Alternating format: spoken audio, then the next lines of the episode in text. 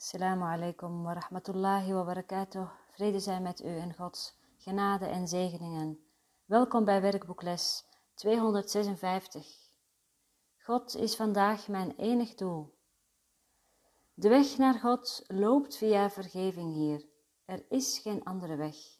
Als de denkgeest geen zonde had gekoesterd, welke noodzaak zou er dan zijn geweest om de weg te vinden naar waar jij bent?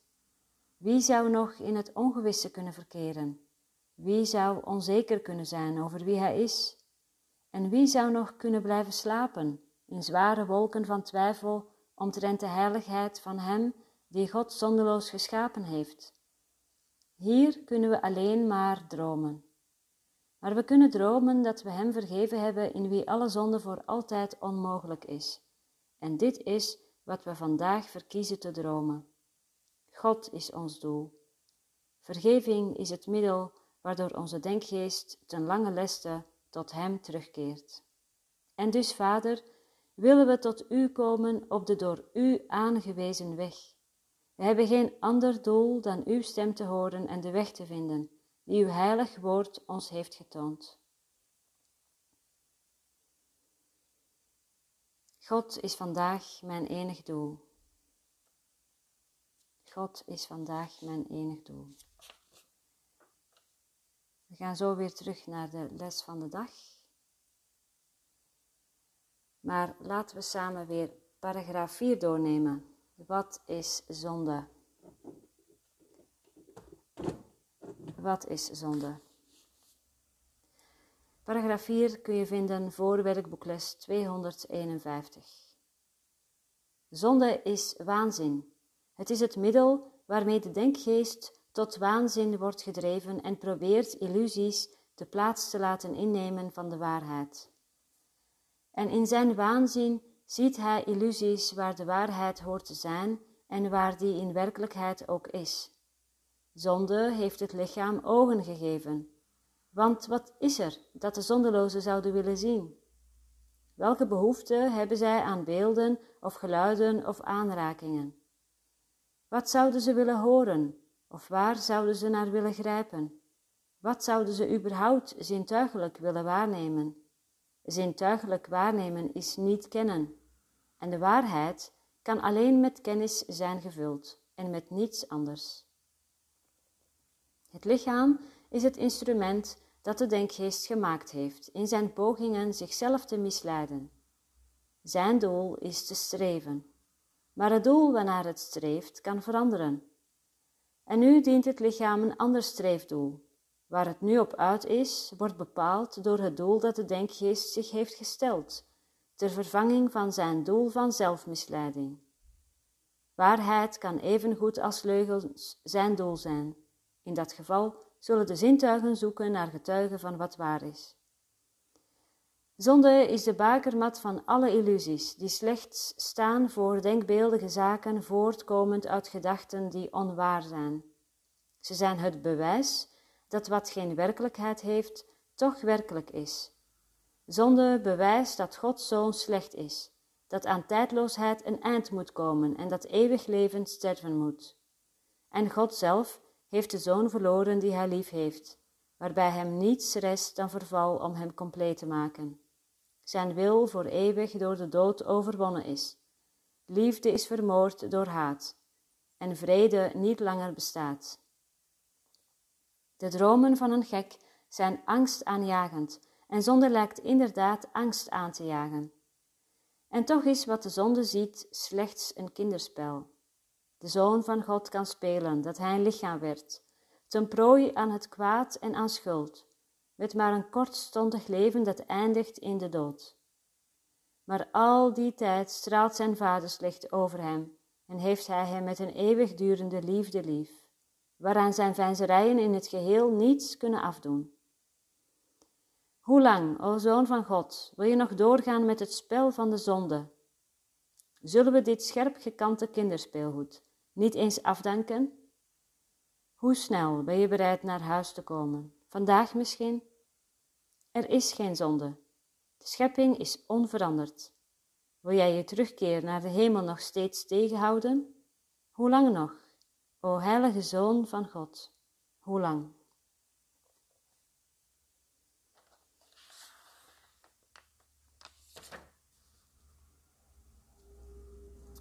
In alinea 4, de eerste regel van wat is zonde? De dromen van een gek zijn angstaanjagend en zonde lijkt inderdaad angst aan te jagen.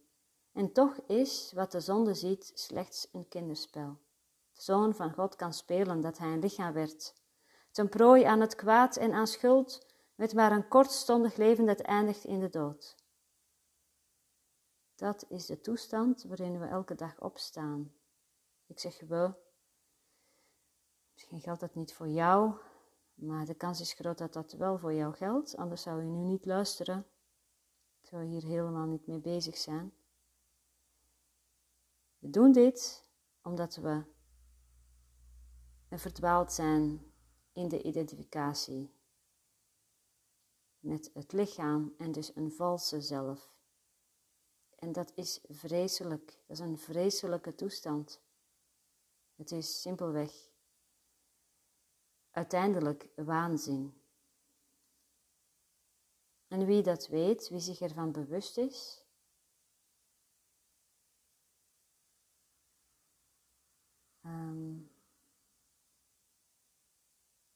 ja, die behoeft geen vergeving. Die heeft het middel ook niet nodig. Vergeving is een middel om verlost en bevrijd te worden van de waanzin die we zelf bedenken, het toneelspel.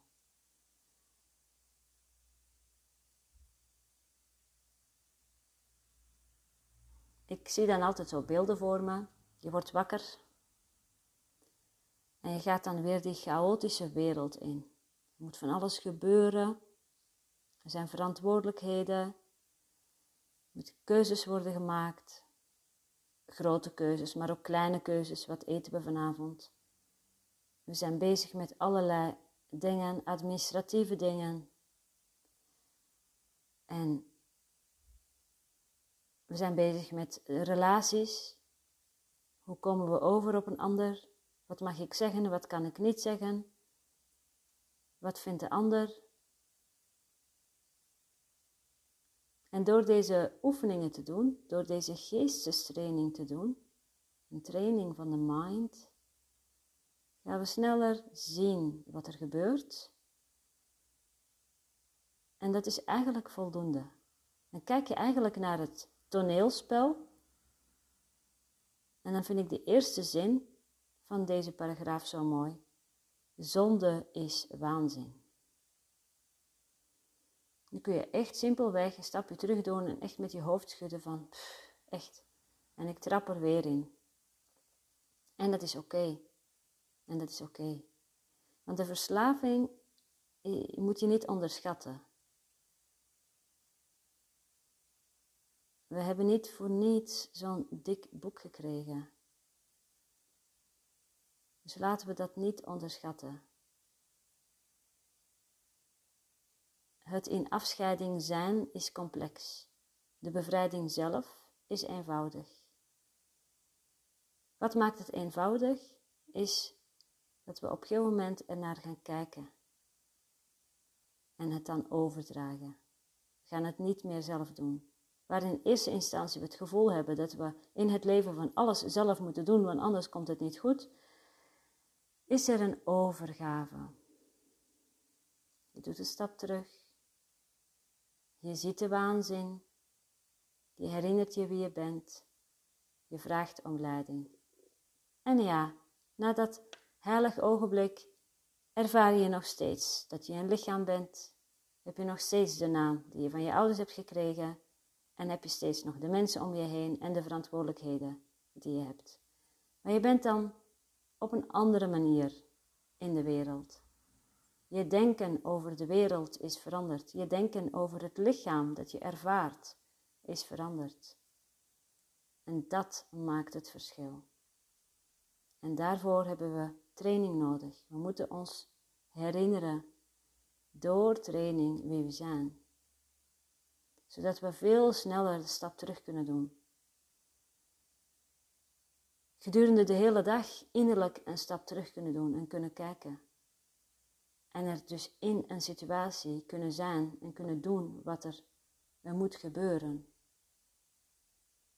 Zonder te verdwalen in het idee van ik en een ander, want die ander is er niet. We gaan terug naar de les van de dag. Dat is les 256. God is vandaag mijn enig doel. Dus al die wereldse doelen, laten we daarnaar kijken wat jouw doelen allemaal zijn. Zet ze maar even op een rij. Wat uh, moet er allemaal nog gebeuren, veranderen, om jou het gevoel te geven dat je thuis bent, om je gelukkig te zijn, om in vrede te zijn. Kijk daarnaar, schrijf ze desnoods op. Waar ben je al je hele leven mee bezig? Waar wil je heen? Wat is voor jou belangrijk? Waar wil je van los? Waar wil je vrij van zijn? En ga dan ook eens voelen hoeveel energie je erin stopt, hoeveel je erin investeert als afgescheiden zelf zonder geleid te worden door je innerlijke leraar. Wat doe je op je eigen houtje en wat laat je gebeuren omdat God dat voor jou wil? Gods wil geschieden. Probeer eens daar naar te kijken. Welke dingen in je leven gebeurden als vanzelf? Kosten weinig energie, misschien wel veel activiteit. Je kunt zelfs 80 uur eh, per week werken onder leiding van je innerlijke gids. En dat kan helemaal kloppen. Dus het gaat nooit om de vorm of de hoeveelheid dus.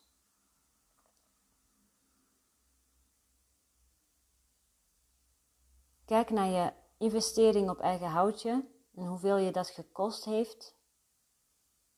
En kijk naar de momenten in je leven die vloeiend gingen, waarbij je simpelweg een onbevangen kind was die aan het spelen was.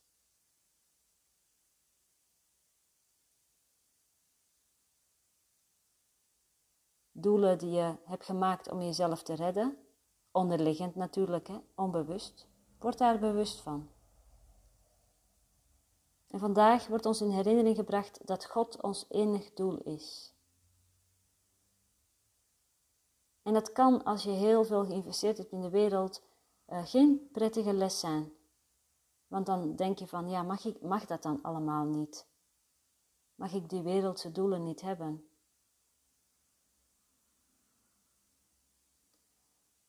En, maar daar gaat het helemaal niet om. Je mag alles, God heeft je alles gegeven.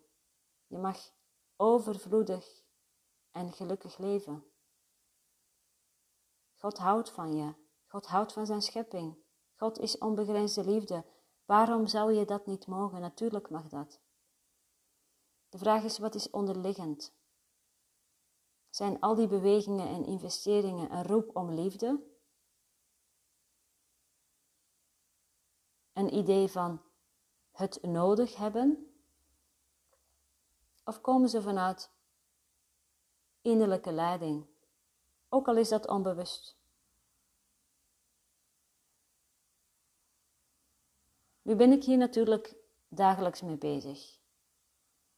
Ik ben hier zelfs zo mee bezig dat ik erover geschreven heb, dat ik er graag over schrijf, dat ik er graag over spreek en dat ik mensen graag verder help. Ik heb dat niet bedacht. Ik had andere plannen voor mezelf. En ik wilde een manier vinden om heel snel en heel makkelijk veel geld te verdienen. En uiteraard is dat niet eh, gelukt. Want dat zou niet mijn allerhoogste belang dienen, blijkbaar, zo achteraf. Want je bent waar je bent omdat je daarvoor kiest. Dus de situatie waar je dan bent, dat klopt ook helemaal. Het klopt 100%. Alles is er voor je om jou te helpen je weg te vinden naar God. Daarom heeft het weinig zin om los van God, zonder die innerlijke leiding, op je eigen houtje van alles proberen te doen. En dat is denk ik wat ook mensen die uiteindelijk heel veel wereldse successen bereiken en heel veel geld hebben. Uh, en dat zijn natuurlijk niet alle mensen, maar dan op eigen investering, die dan uiteindelijk nog steeds zich leeg voelen en ongelukkig zijn.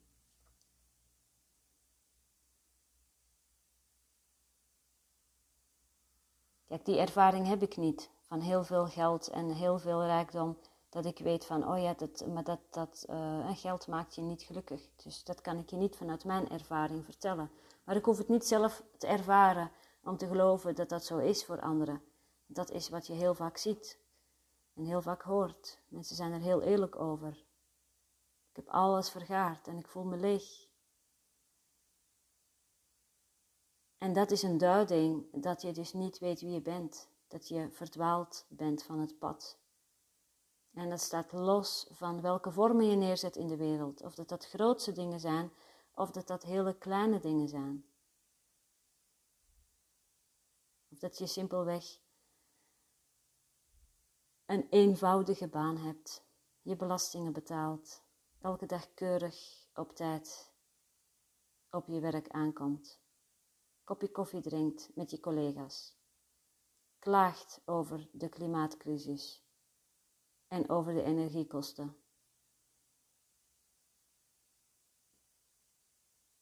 En toch, het is de vorm is dus onbelangrijk. Wat verlossing heel eenvoudig maakt, is om te kijken, word ik geleid door angst, door het nodig hebben, door mijn eigen ideeën van wat, wat ik moet doen om ervoor te zorgen dat ik veilig ben, ja, dan weet ik eigenlijk niet wie ik ben. Of weet ik wie ik ben? Dan laat ik het leven komen zoals het komt. En doe ik vandaag wat ik vandaag moet doen. En doe ik morgen wat ik morgen moet doen, wetende wie ik ben. Wat een verschil. En de vorm zal zich aandienen, zal zich uh, tonen. En je mag erop vertrouwen dat de vorm waarin het komt, dat dat je allerhoogste belang dient.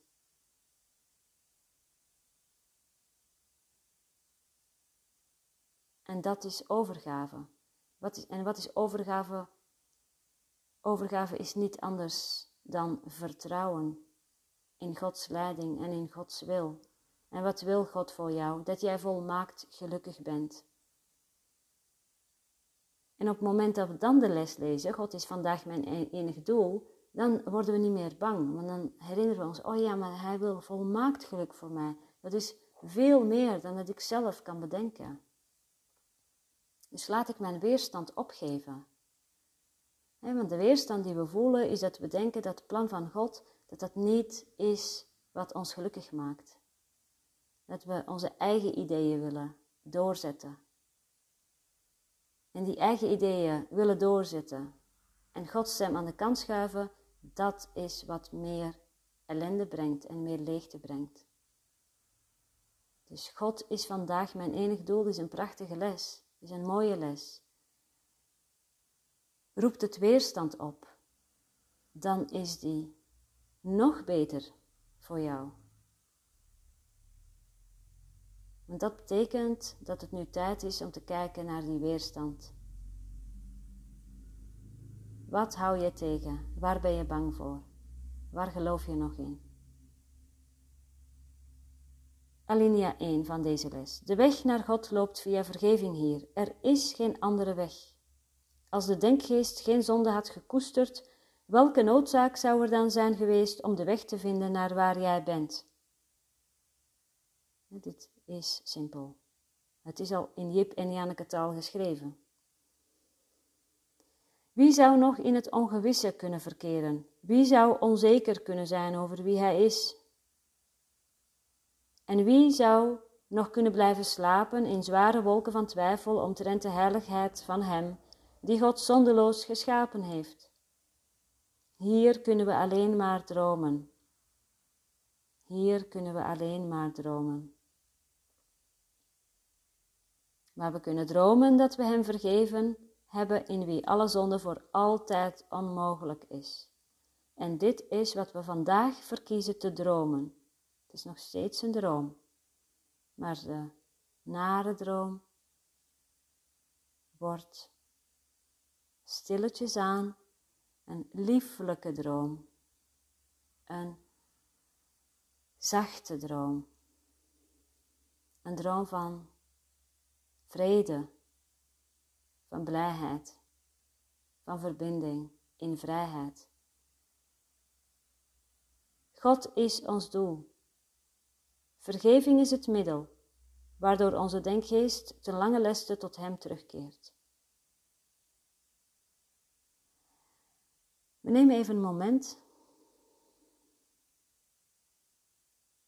Voel je vrij om de ogen te sluiten. Behalve als je naar de podcast luistert vanuit de auto uiteraard of uh, vanaf uh, van op de fiets.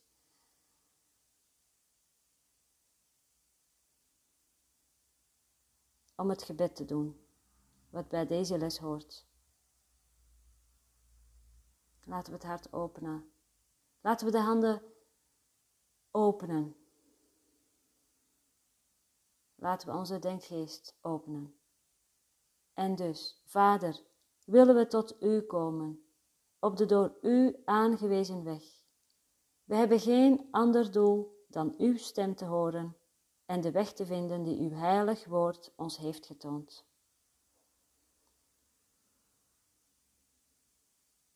We hebben geen ander doel dan uw stem te horen en de weg te vinden die uw heilig woord ons heeft getoond.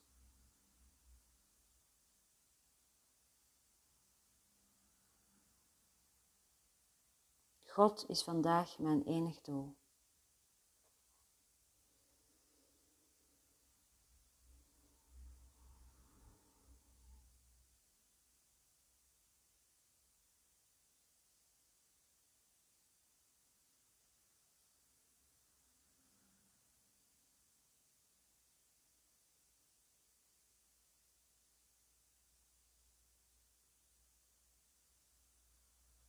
Assalamu alaikum wa rahmatullahi wa barakatuh.